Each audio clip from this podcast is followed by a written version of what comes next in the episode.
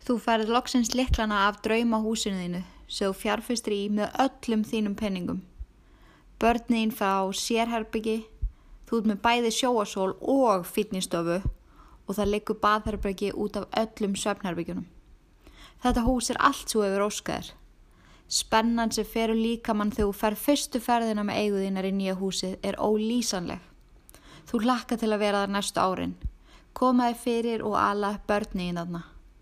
Tímatinn sem eru framöndan eru svo spennandi og skemmtilegir.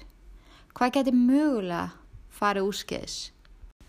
George og Kathy Lutt segja söguna því hvað getur farið úrskeiðis í þessum aðstæðum. En þau kiftu sér fallett þryggjaða hús í Amityville, New York. Þau fluttu ásand börnunum sínu þrem í desember 1975 inn í húsi sem stóða Ocean Avenue og var nummer 112.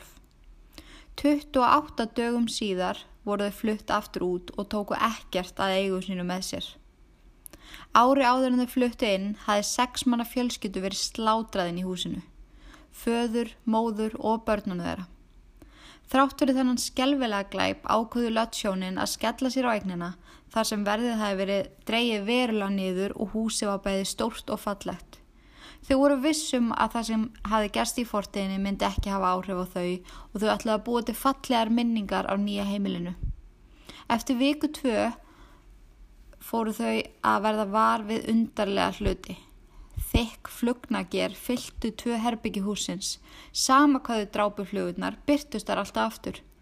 Undarleg fótutök fóru upp og niður stegana nætulagi og vatnið í klósuturum var svart. Þau hættu að geta sofið almennilega og voru þau algjörlega komin í þrótt með hvað það ætlaði að gera. Á þessum 28 dögum sem þau döldu þarna uppliði fjölskyttan hrollvekju hvern einasta dag. Voru mistök að kaupa hús þar sem sex manneskjur voru skotna til bana.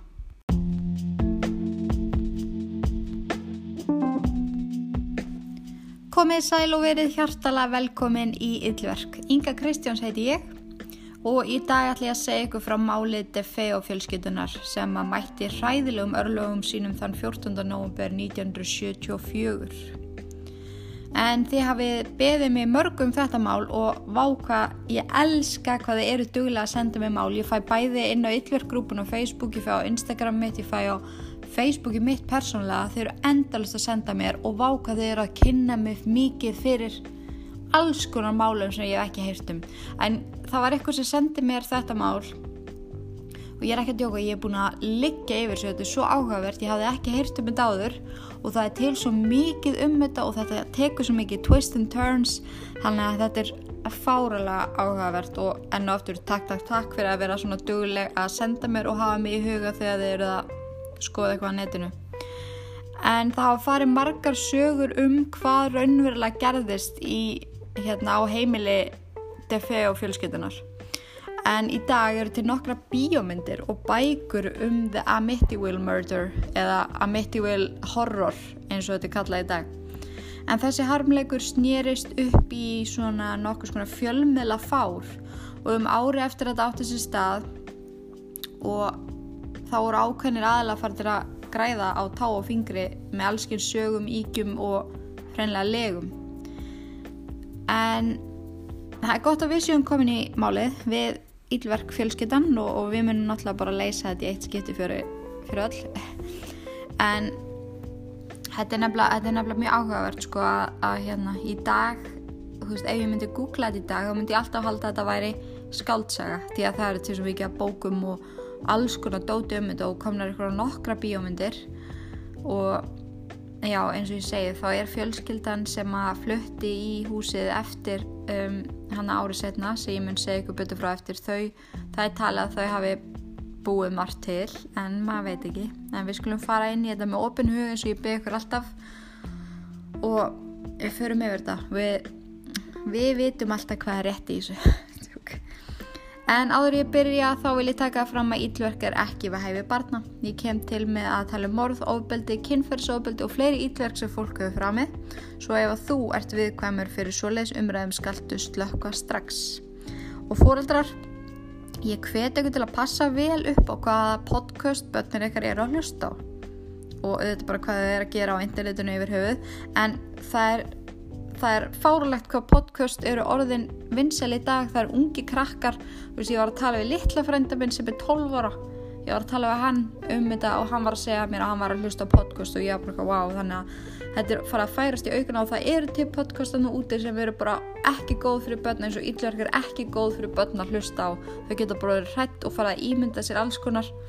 Þannig að ég myndi núna vera ótrúlega varkar hvað þau eru að hlusta og hvort þau séu með podcast appi í símanum svona bara til að taka það fram að því að ég vil ekki ég vil ekki hræða börn, ég vil bara hræða fullari fólk en já, já, let's go The Amity Will Murder, gjör þið svo vel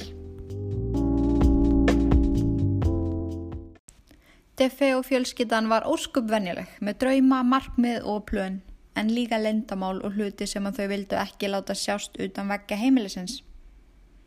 Getur við samt aðeins stoppa? Getur við stoppa aðeins?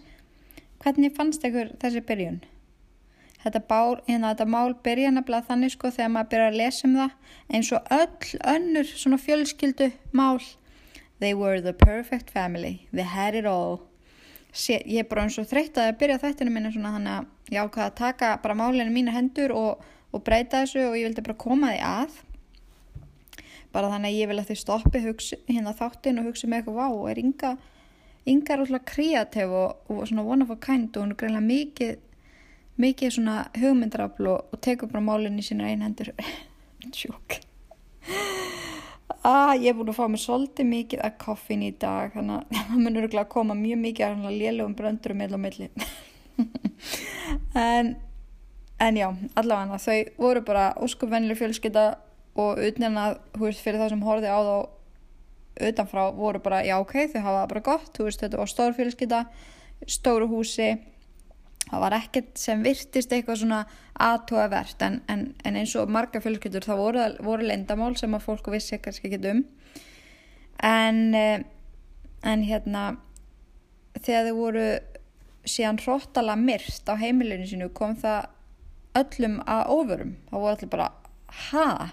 Eða þau ykkur óvinni og það dætt engum í hug hvaða óvinni fjölskyttan geti átt og sem geti hugsa, hugsa sér að gera þeim eitthvað hræðilegt og, og það sem ég fann svolítið áhugavert en það er ótrúlega mikið af klippum til á netinu um þetta mál og það er náttúrulega frettaflutningur og svo leiðis en mér langaði rosalega að setja klippuraði inn í þáttinu það er bara svo rosalega óskýrt og það er nánast bara tilgangslöst þannig að þið getið farið bara að horta á það sjálf þið þurfum bara að hækki botn og lusta vel. En það sem ég fannst rosalega áhugavert og ég mögulega verið aðeins og fljóta á mér að segja þetta strax en það er sérst frettamæður sem stendur fyrir utan húsið um, morgunins eftir þetta gerist og það er búið að fara með líkin út úr húsinu og það er verið að taka sérst viðtöl við nágrana DFO fjölskyldunar. Það er tekið viðtöl við eina konu og einn mann og þau eru svo slög. Veist, allt þetta hverfi, þetta er svona lítið, svona suburb hverfi í New York og það eru allir ótrúlega slakir, veist, eins og þegar Richard Ramirez og, og allir þessi gaurar voru á flakki og þá vera að drepa heilu fjölskyldunar, þá voru allir svo hrættir, þá voru allir bara sælir, það er raðmórðingi gangandi laus. En þarna voru allir ótrúlega rólegar og þá var allir bara já veist, þau voru bara svo góð fjölskytta já, við hefum ekkert meira að segja. Veist, þetta var, það var ótrúlega skríti væp svona yfir öllu með það hvað hafi gæst og með við hvað þetta var hræðilegu glæpur. En mér fannst ótrúlega veist, þetta, þetta stakk mér pínu að frettaflutningamæður segir bara já, hérna verðist allt voru rólegt um með hvað var að gerast svona eins og fólk haldi að það sem hafi komið fyrir fjölskytuna hafi gerst innan fjölskytunar fattiði mig. Þannig að strax og þetta mál kemst í fjölmjöla þá er eins og fólk fari óselrátt að beina hérna sínum aðtöðasendum að e, fjölskytum meðlumum og bara þeim sem byggu innan vekja fjölskytunar það sé engin utanakomandi og þess vegna var fólk ekki ekki hrætt. Nei ekki hrætt fyrir ekki við. En svo við förum aðeins yfir þá sem að voru meðlemið í DFE og fjölskytunni þá var það Big Ronnie en það var pappin hann lefði í skugganum að forríka og örláta tengdaföðu sinu Michael en eiginkona Ronny og dóttir Michael Lewis gæt svo auðveldlega að nota völd föðu síns til að komi, komast í burtu frá durtunum sem að hérna hann Ronny var. En hann var algjör durtur. Bara allir sem að sem að svo veist frændur hans og eitthvað svona voru bara þessi gauður sko þetta var mest af svona Karl Remban og, og hún var í rosalega góðum tengslum að því að pappina var alveg svona rosalega mikið mikil stórlag sko, Louise, konunans en en pappi hennar uh, var ekki bara mjög efnar, heldur var hann líka tengdurinn í stóra glæparhingi og áttu félaga sem voru mjög miklu stórlagsar í, í glæpaheiminum. Og hann var bara þessi gaur, þú veist ef að ef ef mann er langað að fá, þú veist, Elvis til að spila í ammali, þá gæti maður bara haft samband við hann og hann myndi græða, hann var bara með samband allstar, tengdafaðir hérna Big Ronnie og pappi hennar Louise en um, Ronnie bæ, bæ, beitir sérst Louise bæði andlu og líkamlega öðbeldi daglega og ekki bara henni heldur kom hann líka hræðilega fram með börnin, börnin sín sem voru fimm í heldina nei, jú 1, 2, 3, 4 nei, sem voru fjögur í heldina þau voru sex í fjölskyldu.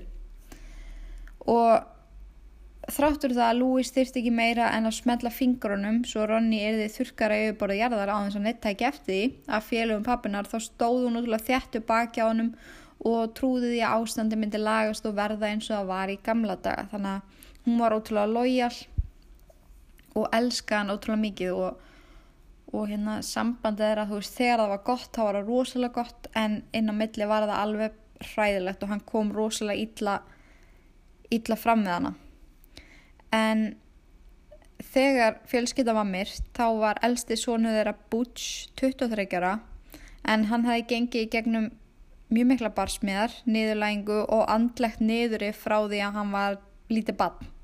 Hann leitaði mjög mikið í áfengi og fíknefni til að flýja í burtu frá aðstafanum sem að byðu hans heima fyrir en hann var undir áhrifum bæði áfengis og výmöfna heilu dagana og að hans eigin sögn voru það einu dagarnir í lífan sem voru í lægi.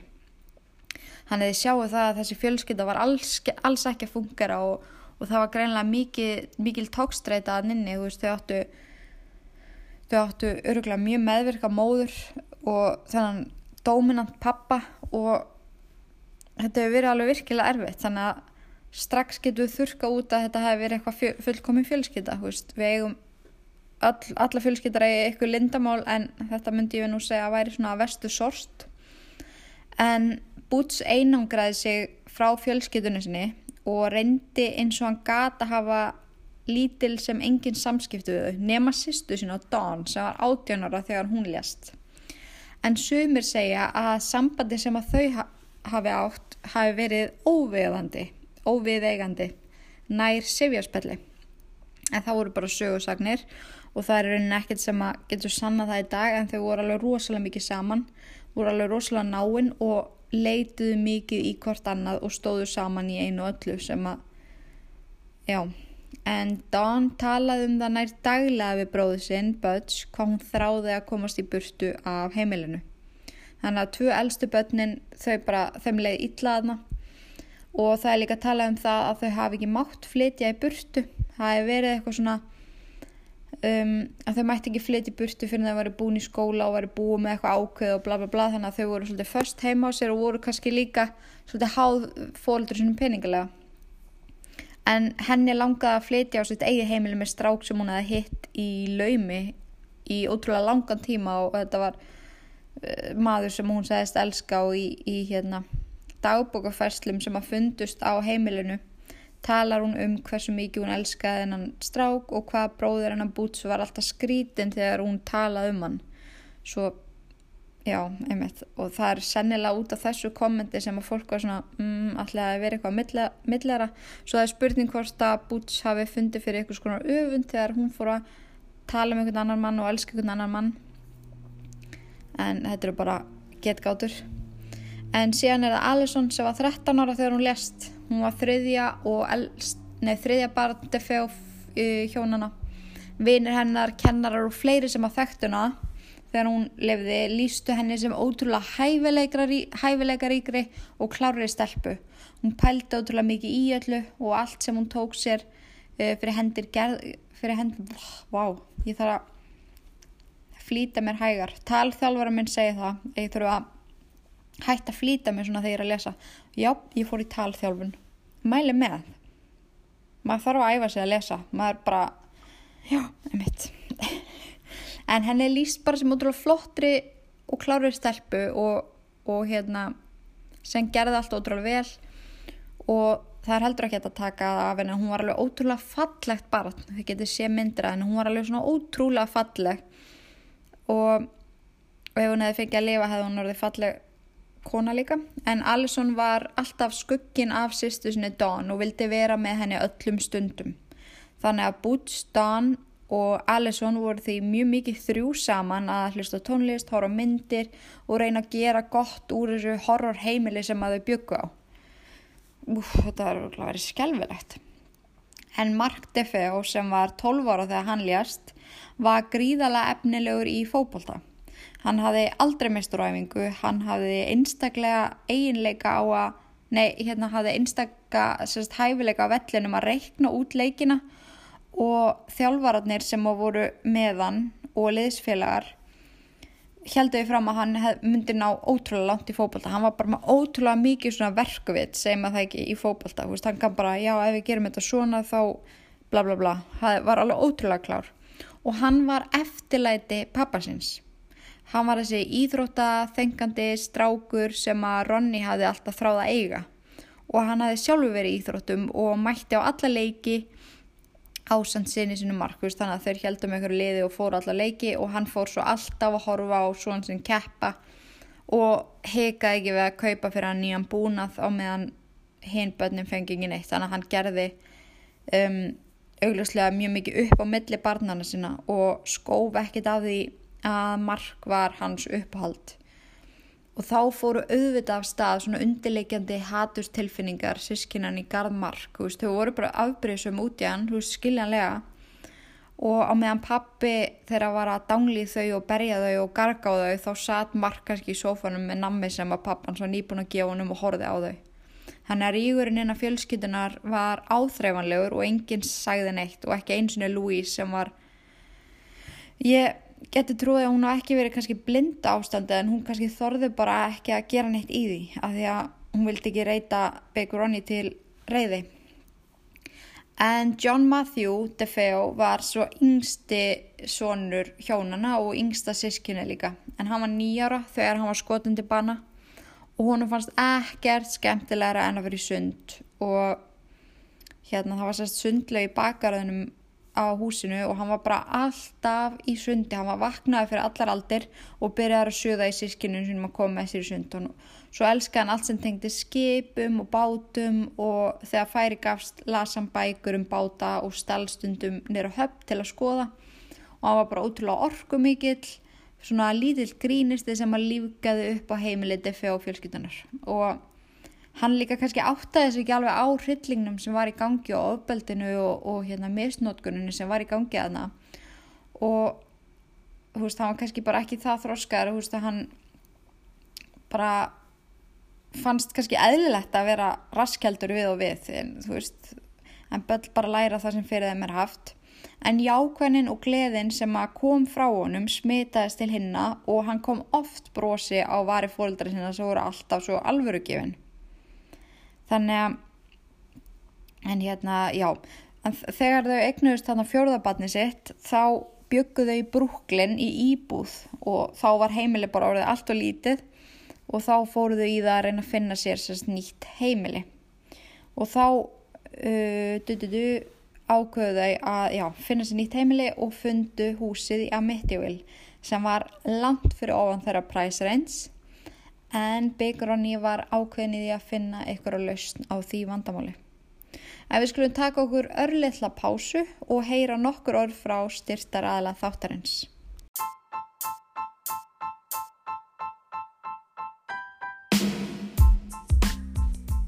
Hafið þið kíkt á yngupakkan inn á línbóti.is?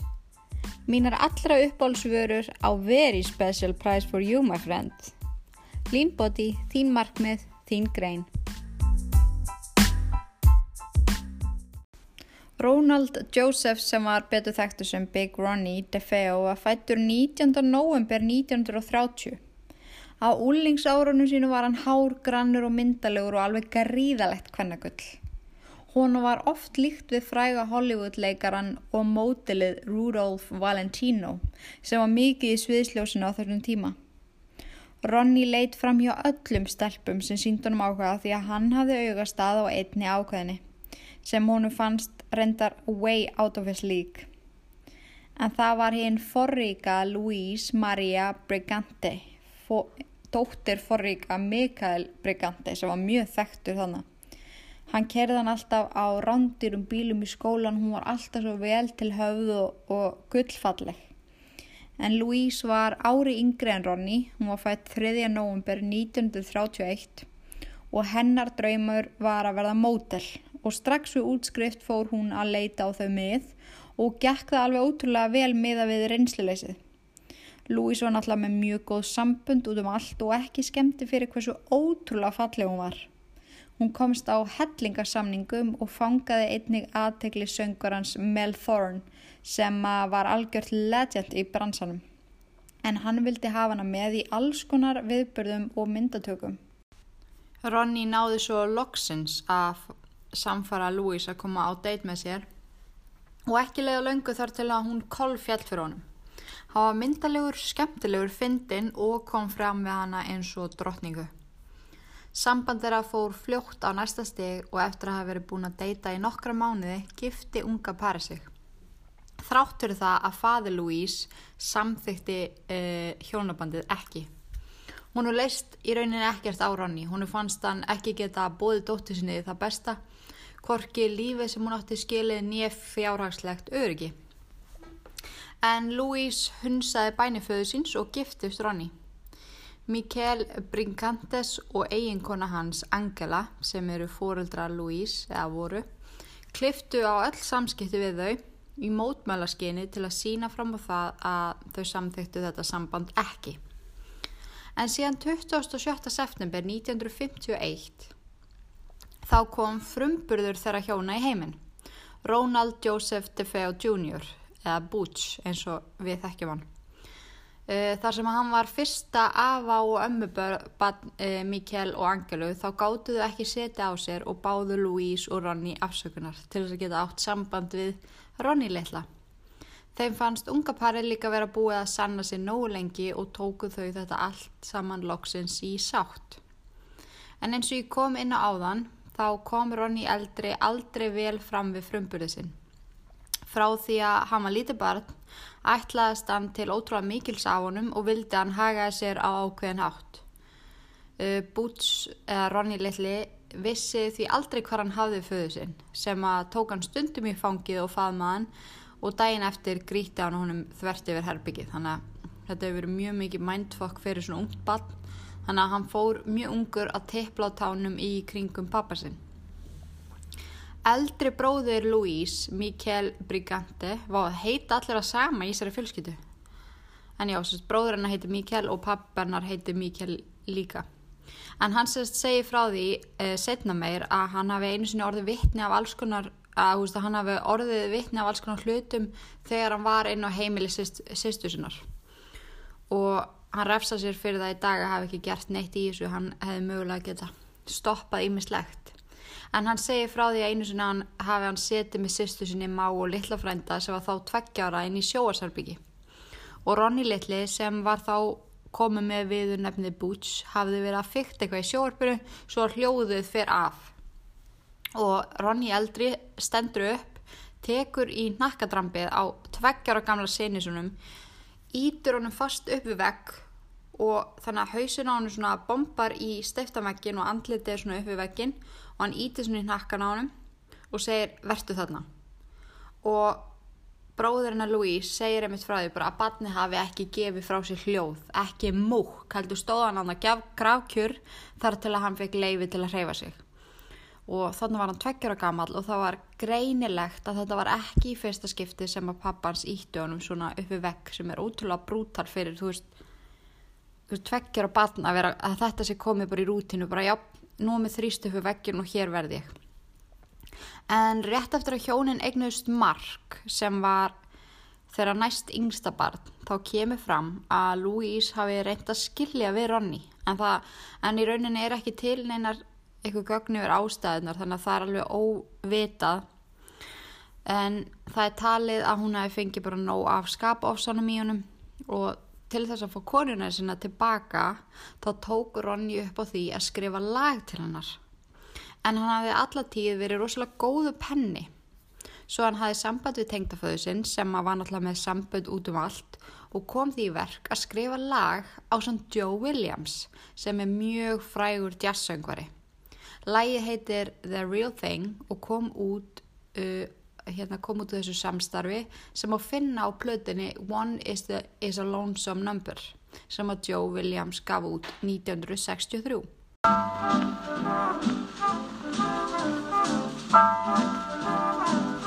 If you are going with her and you can't win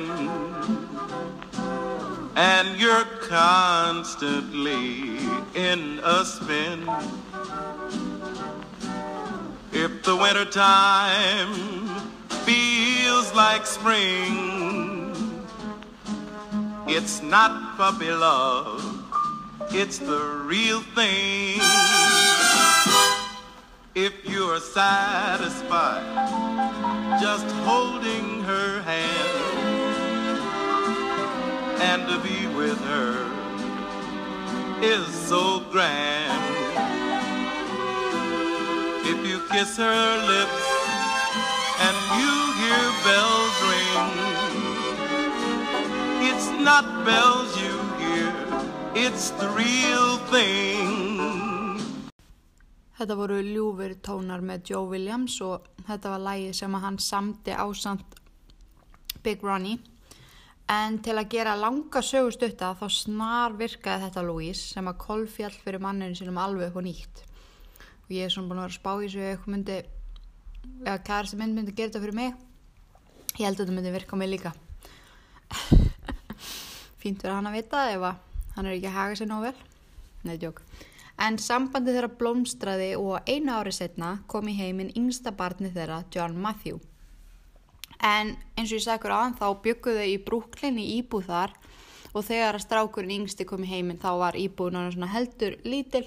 Og þau flyti þá inn á drauma heimili sitt sem var staðsett á Long Island, uh, South Shore og hétt hverfið Amityville.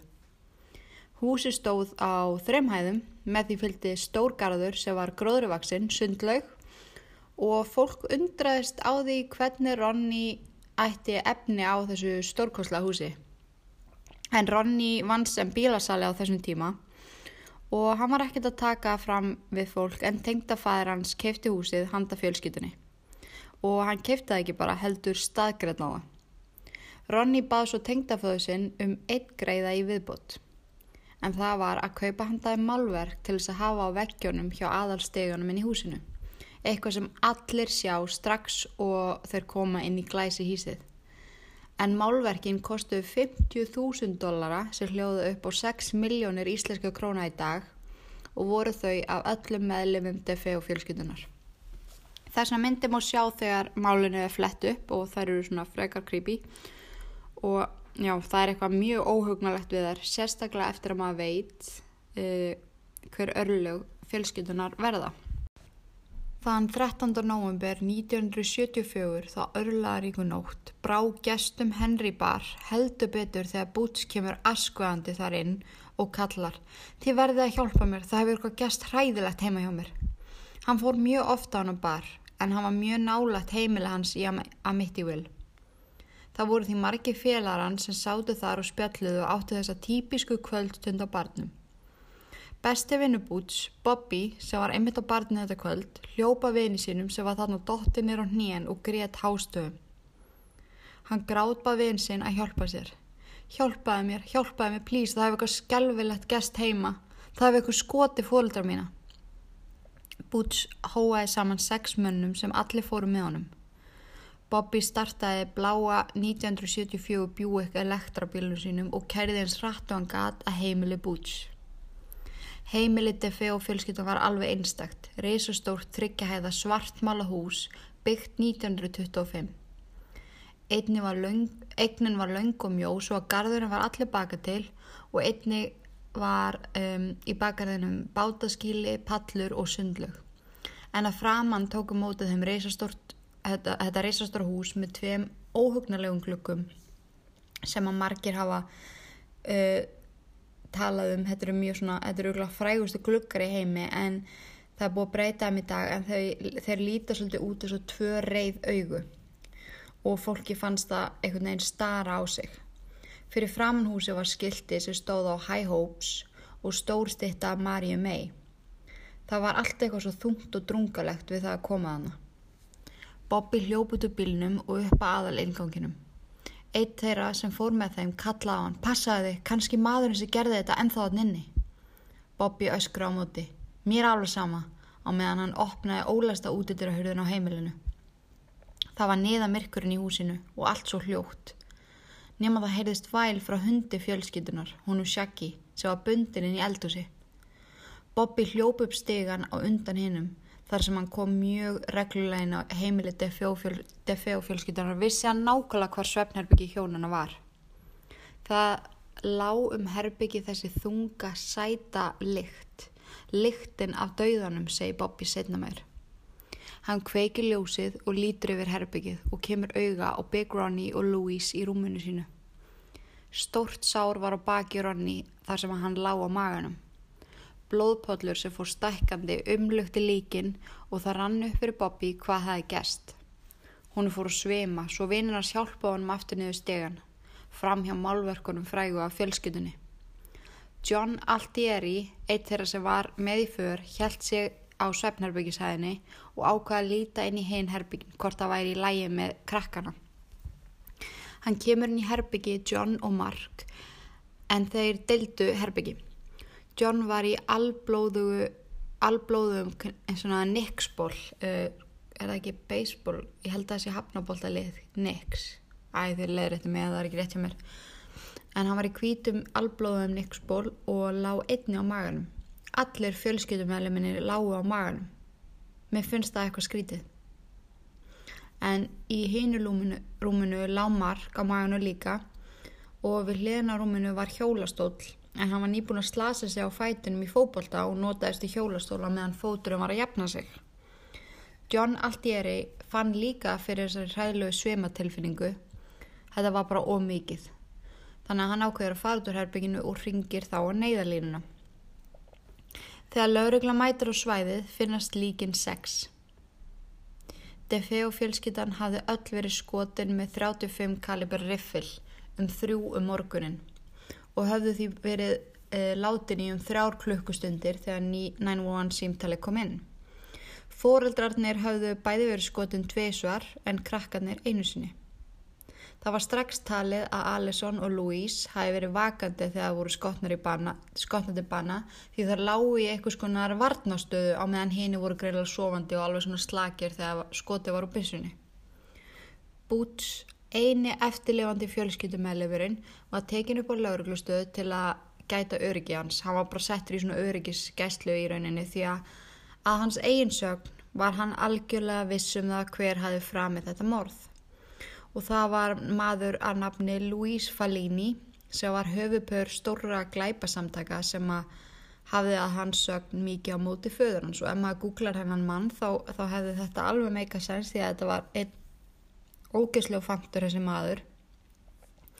En það fórum við fljóðlega að koma upp skekkjur í sögunni hvað hafi gæst þegar að vera að ræða við Boots. Hann saði mismöndi hluti við mismöndi fólk og ekki leiðalöngu þar til Boots var orðin sá grunnsalegi og í raun sá eini grunnsalegi því að eftir frekari aðtöfun þá komi ljós að Louise Fallini var ekki eins og í landinu þegar morðin áttu sér stað.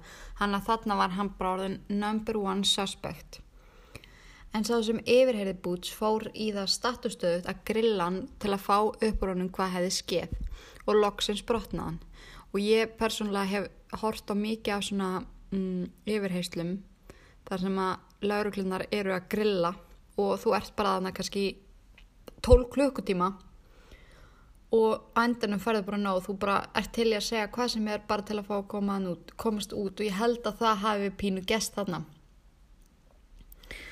en en já, hann brotnar hann niður og segir bara já, ég gerði þetta og ég draf alla fjölskyttunum mína og ég gerði þetta aðleitt og bara þegar ég byrjaði þá gæti ég ekki stoppa þetta gerist allt svo rætt og hann bara allt í hennu fer úr því að vera allsaklaus yfir því að játa allt á sig og ég og það eru fleiri einmitt sem segja þetta að þetta hefur verið klárlega bara svona yfir grillun á honum en réttarhaldin yfir búts byrjuði 14. oktober 1975 en lögfræðingurinn sem tók málans William Weber reyndi strax að koma því í gegn að hann hafi ekki vita hvað hann var að gera Hann hafi ekki verið með réttur á þið og þá væri því ekki hægt að dæma hann sem heilbriðan einstakling. Og það, það bættist líka endalust við söguna sem Boots sagði og á þessum tímabúndi held það í fram að hann hefði dreipið fjölskyldunum sína í sjálfsvörð því að hann hefði heyrtu leggja á ráðun um hvernig þau ættu að drepa hann. Síðan bættist í söguna að nótturinn sem þetta gerðist hafi hann fengið þessa sín af sýstusni Dawn sem hann hafi vakið hann þegar hann lág í sófanum í stofinni og rétt honum riffil og hann hafi staðið upp á þess að hika og skoti fjölskyttunni sína. En sem að meikar ekki alveg sensa því að Dawn finnst svo látin í rúminu sína þannig að þetta er eitthvað smá hæpi að hún hafi farið uppi og beðið eftir hann skaut sig þetta er, ná, já, ég veit ekki en á þeim tíma sem að um, sem, orðin, nei, sem að morðin áttur sér stað þá, þá misnotaði Boots bæði áfengi og výmöfni alveg brútali, hann spröytaði sig með heroinni nær daglega svo það má vel vera að hann hafi ekki verið með réttur á því. Það mér það mér bara mjög líklegt að hann hafi alveg klála verið eitthvað út úr því sko. En sálfræðingar og gæðlæknar sem skoðuð hann vildi meina hann hafi vita nákvæmlega hvað hann var að gera fólk furðaði sjá því hvað hann hefði verið að gera frá klukkan 3-6 þannig að ef þú pælir þessu og ef þetta er eins og hann segir þá var hann heima með látnum fjölskyldu meðlumum sínum í þrjá klukkutíma. Þá getur hann fer og sækja vini sín á barinn. Þú veist hvort hann hafi verið í eitthvað skonar vímuöfna áfengis, móki, gert þetta sopna svo og vaknað og fatta og ekki munna eftir þessu. Þú veist það er spurning en þarna var þetta þetta var, þetta var allt eitthvað svona sem að fólk bara já þetta hlýtur að, þú veist tíminn hlýtur að leiða í ljós það sem gerðist í raun og veru. En það var ekki fyrir bútt svo að dæmdur í sex, lífst, eh, sex lífstíðadóma fyrir morðin og fjölskyldinu og lífstíðadómur er 25 ár. Og hann fekk sex þannig og svo without parole. Þannig að hann er aldrei að fara að koma úr fangilsi hann fekk að vísu ekki döðadóm en þetta var dæmt svona í þessu máli. Það er ekki til neyn vídeo rétt að höldunum mjög mjög súrt. En á sama tíma og hann er dæmdur uh, fær þess að dóma á sig þá fer, um, þá fer hann að breyta sögunni. Og það koma í ljós líka alls konar nýjar upplýsingar sem benda til þess að hann hafi ekki verið einn á ferðinni þessa örlaðar ykkur nótt. Hann að þegar hann er komin inn í fangilið þá fyrir að koma upp alls konar meira veist, og máli er ennþá bara í veist, það er bara að vera rannsækjað á fullu því að veist, sögurnar sem hann er að segja þær eru svo fram og tilbaka og, og einmitt það sem þeir eru að koma stað þeir sem eru að rannsækja það þá bara eru þeir alls ekkert vissum að bara neyta því sem hann sagði væri satt. En þeir sem voru að rannsækja það voru vissir um að ykkur hafi aðstofan þá var í rauninni ekki mögulegt að skjóta sex manniskur án þess að vekja hinnar þar sem að svefnherbyggin voru bæða á annari og þriði hæð. Þannig að þú hefði þurft að vera á annari hæð skjóta um, en í einu herrbyggju og hlaupa svo upp á efri. Og þeir sem veitir hvernig riffill er þá heyrast alveg frekar háttur riffill nefnum að þetta sé eitthvað svona fiffaða riffill. En riffillin sem fannst um, þannig í bakgarðinum hann hefði bara verið látin þar hann hérna það var ekki búið að fiffa hann eitt og skotin sem að fundust inn í herrbyggin hans veist, það var ekki búið að breyta þessu neitt þannig að það er svolítið hæpið að skjóta eitthvað, hlaupa upp á þriðihæð og skjóta eitthvað og allir bara svoðandi og slagir á meðan. Þannig að það er, það er eitthvað meira baki, bakvið þetta og það bara þetta líður rosalega hægt. Sönnunagónin kom hægt upp en hann fyrir alltaf að tala meira og meira og mögulega muna meira og meira En hver hefði mögulega vilja hjálpa honum? Hver hataði fjölskylduna jafn mikið og hann? Við skulum pæla hans í því á meðan við heyrum nokkur orð frá styrstaræðala þáttarins.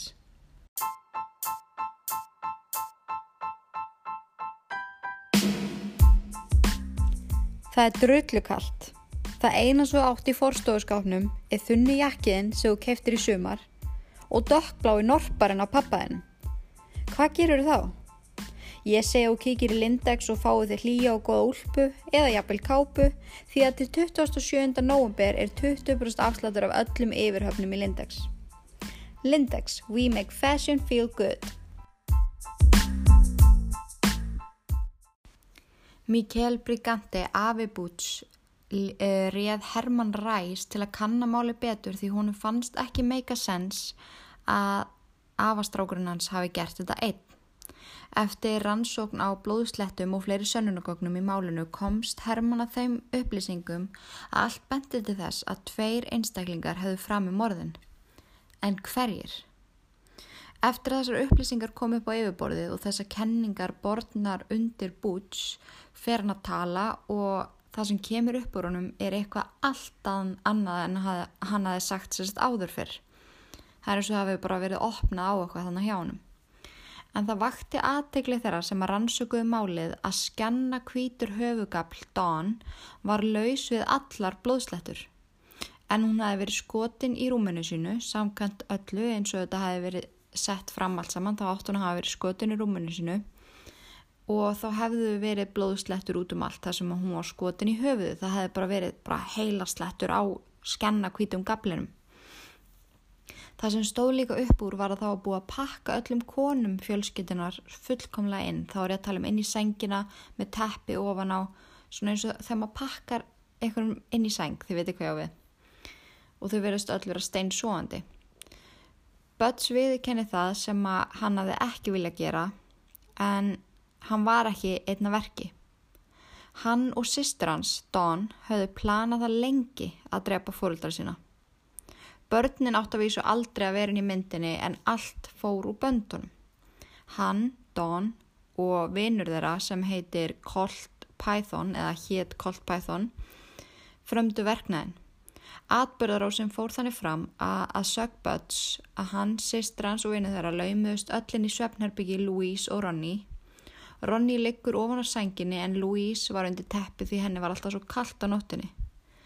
Louise heyrir í þeim, lítur upp en fyrir aftan rúmgablin var speill yfir öllum vegnum þannig að ef hún lítur svona upp og kíkir svona í gegnum gablin þá sér hún þau standa fyrir fram að rúmið.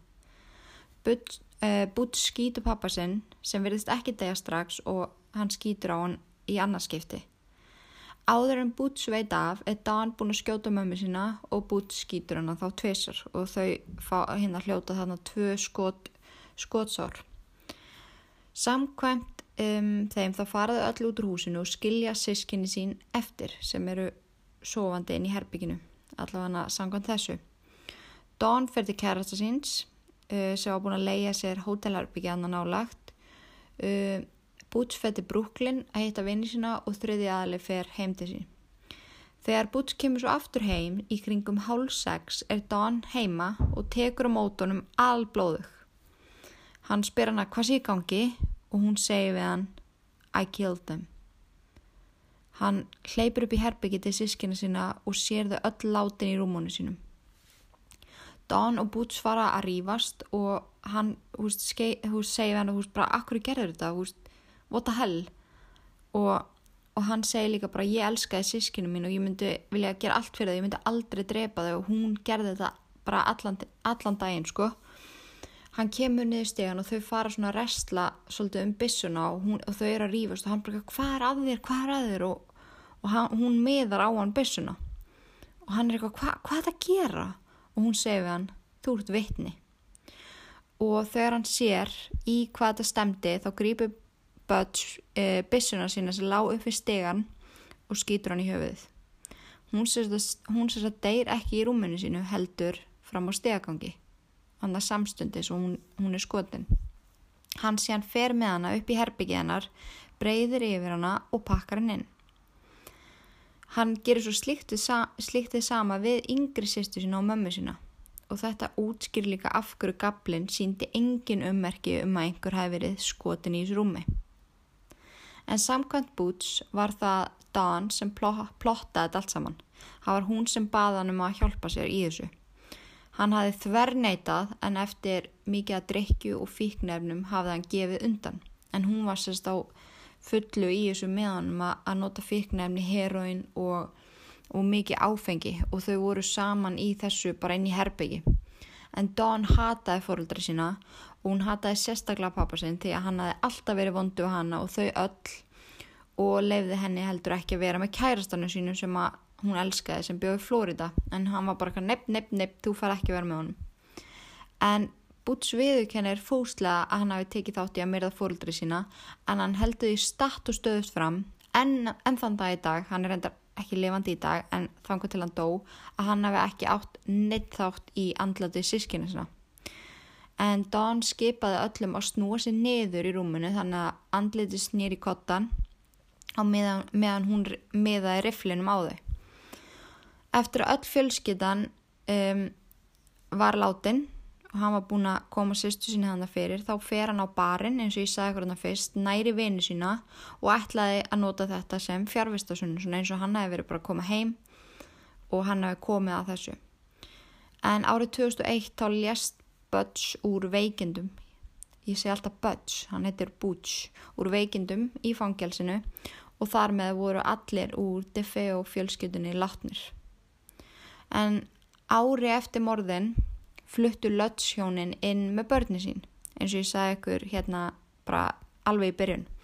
En húsið var alveg upprannlegt, eina sem að hafi verið gert var að taka út öll húsgögn og þrýfa þau, nei þrýfa húsið, öll teppin og svona, og þau fenguðu húsið á ótrúlega góðu verði að því að það vildi náttúrulega bara enginn kaupa þetta hús, þetta var bara svona horrorhús sem að fólk þorði bara að keira framhjá.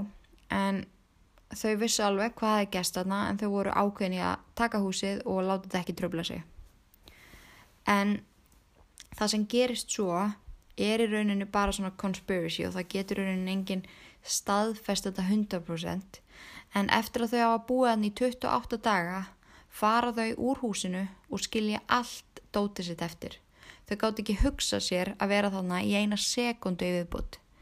En inn í gamla herbyggi Dawn, þar sem að hérna Boots fór með hann eftir hann skautan og lagði hann í rúmið, voru flugna ger sem, sem voru svo stór að það kom út eins og að væri bara mökkur inn í herbygginu.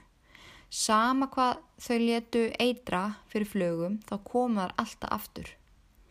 Síðan var þessi óútskýrði nýstingskuldi sem fór um húsi svona nokkur sinum um daginn. Þá bara var kannski alveg vennilegur hitt í húsinu og svo allt innu var bara ískallt svona eins og ísköld góla og það var það kallt að það var skára fyrir þau að, að, hérna, að fara bara út það var endalega svona fótagangur það var bank og skellir og það gerði það að verkum að þau gátt ekki sofið og þau voru vissum að það væru yllir andar inn í húsinu, að Defe og fjölskyttan væri enþá inn í húsinu og þau, það væri ekki búið að ná að sleppa þeim og sérstaklega inn í herbygginin á Dan þar sem að stæstu, verstu og dýfstu lendamálinn fóru fram. En það er talið að, að hérna líklegt að, að pappin hafi verið að misnóta Dan inn í þessu herbyggi og það hafi bara gerst mikið hræðilegum hlutum hana inni. En þau fá prest til þess að koma og blessa húsið. Hann gengur inn í öll herbyggi og fer með bæn en hann hörfar út úr herbygginu á dagan þar sem flögnamökkurum var. Og presturinn segi við þau það er eitthvað íltaninni og ég get ekki gert neitt fyrir ykkur þegar kemur að þessu herbyggi. Hérna vil ég bara loka. Og hann hörfa bara og skellur eftir sér. Þannig að þetta hrættiði ennþá meira, hú veist, að geta ekki nota þetta herbyggi, þau voru að nota þetta sem sauma herbyggi veist, það var enginn að sofa hann inn þannig að mamman fór bara að var að brjóta sem þáttinn og var eitthvað svona sauma og svo leiðs hann inni. En hún gæti aldrei verið að hann af því að henni leiði svo illa hann inni. Síðan fenguði í lið með sér fleiri svona paranormal um, einstaklinga sem voru að reyna að hrekja andan og brott og reyna að ná sambandi við andanaðinni og í þessu sessjónu eru tekna ljósmyndir úr húsinu, þú veist þannig að bara það var að vera að framkvæmja þetta. Og á einni ljó, ljósmyndinni þá kemur drengur út úr herbygginin á dán og þessi drengur lítur alveg eins út og yngsti sonur Defeo hérna hjónana, John, Matthew og maður veit ekki, þú veist þessi mynd er alveg til, þeir geti googlaðan og sé þessa mynd en svo veit maður ekki hvað er mikið Photoshop og hvað ekki en hann er alveg eins og strákurinn. En á endanum þá gefast þau upp, þau voru búin að reyna allt, þau voru bara uppgefin, þau voru bara ótrúlega hrætt og það var einhvern veginn ekkert sem virkaði þá bara eins og Defi og fjölskyttan vildi fá þau út úr húsinu, það var bara þannig.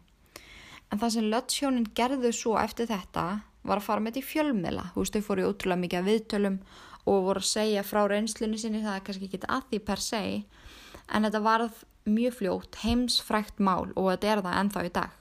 Og eins og ég sagði ykkur fyrst þá gæti maður einmitt þegar maður fyrir að googla þetta haldið að maður sé bara að lesa um einhvers konar bíómynd sem er skáldsaga en það er, það er bara gert svo rosalega mikið úr þessu. Þetta er náttúrulega rosalegt mál en það er margir sem spyrja sig að því hvort þau hafi mm, skaldað eitthvað af þessu. Því að vinir barnafritsjónana sem hafa komið fram og segja frá því um, svona sinnireynsla því að þau voru ofta hjá börnunum þeirra og gistu og þau hafa aldrei orðið var við neitt. Og veist öll þessi herbyggi sem að þau voru að segja frá veist, voru bara venjulega herbyggi og þau hafa aldrei upplifað neinn flugna ger og eitthvað svo leiðis en fjölmilar bit og agnið og hvort sem að Amityville horrorsagan er sönnið ekki þá er þetta eitt frægasta og hræðilegasta fjöldamorð bandaríkjana og jafnvel í heiminum. En í dag þá býr fjölskylda í húsinu, það er búið að taka í gegn, taka reyðu glukkana sem störðu á mann og mála húsi kvítt. Það er stanslöst flæði að fólki að keira fram hjá til að skoða sem er mjög perrandi en ég skilða samt svo vel, ég myndi gera það líka. En eigundinni þurftu að girða húsið af og setja svona private property og stay, stay out bitches eða hú veist, hú veist, er að reyna að halda túristum og, og þeir sem eru svona trúkræmi áhuga fólk í burtu. Og húsið selst þannig á eina miljón dollara sem er alveg frekar hátt með allt sem það hefur gengið á og þessi, þetta fólk þurftu að taka húsið allt í gegn. En horror húsið ekki þá er þetta villa. Ég persónulega hefði jafnaði við jörðu, ég myndi ekki ég myndi ekki bara ekki sens að ég hefði fluttat inn þótt að mér hefði bó, verið búið að gefins. En þetta var hróttalett mál Defe og fjölskyldunar eða The Amityville Horror House. En þá gott ég næst krakka mínir takk fyrir að hlusta, takk fyrir að vera til og ég guðan á bænum forðist öll ílverk nema þetta podcast, verið sæl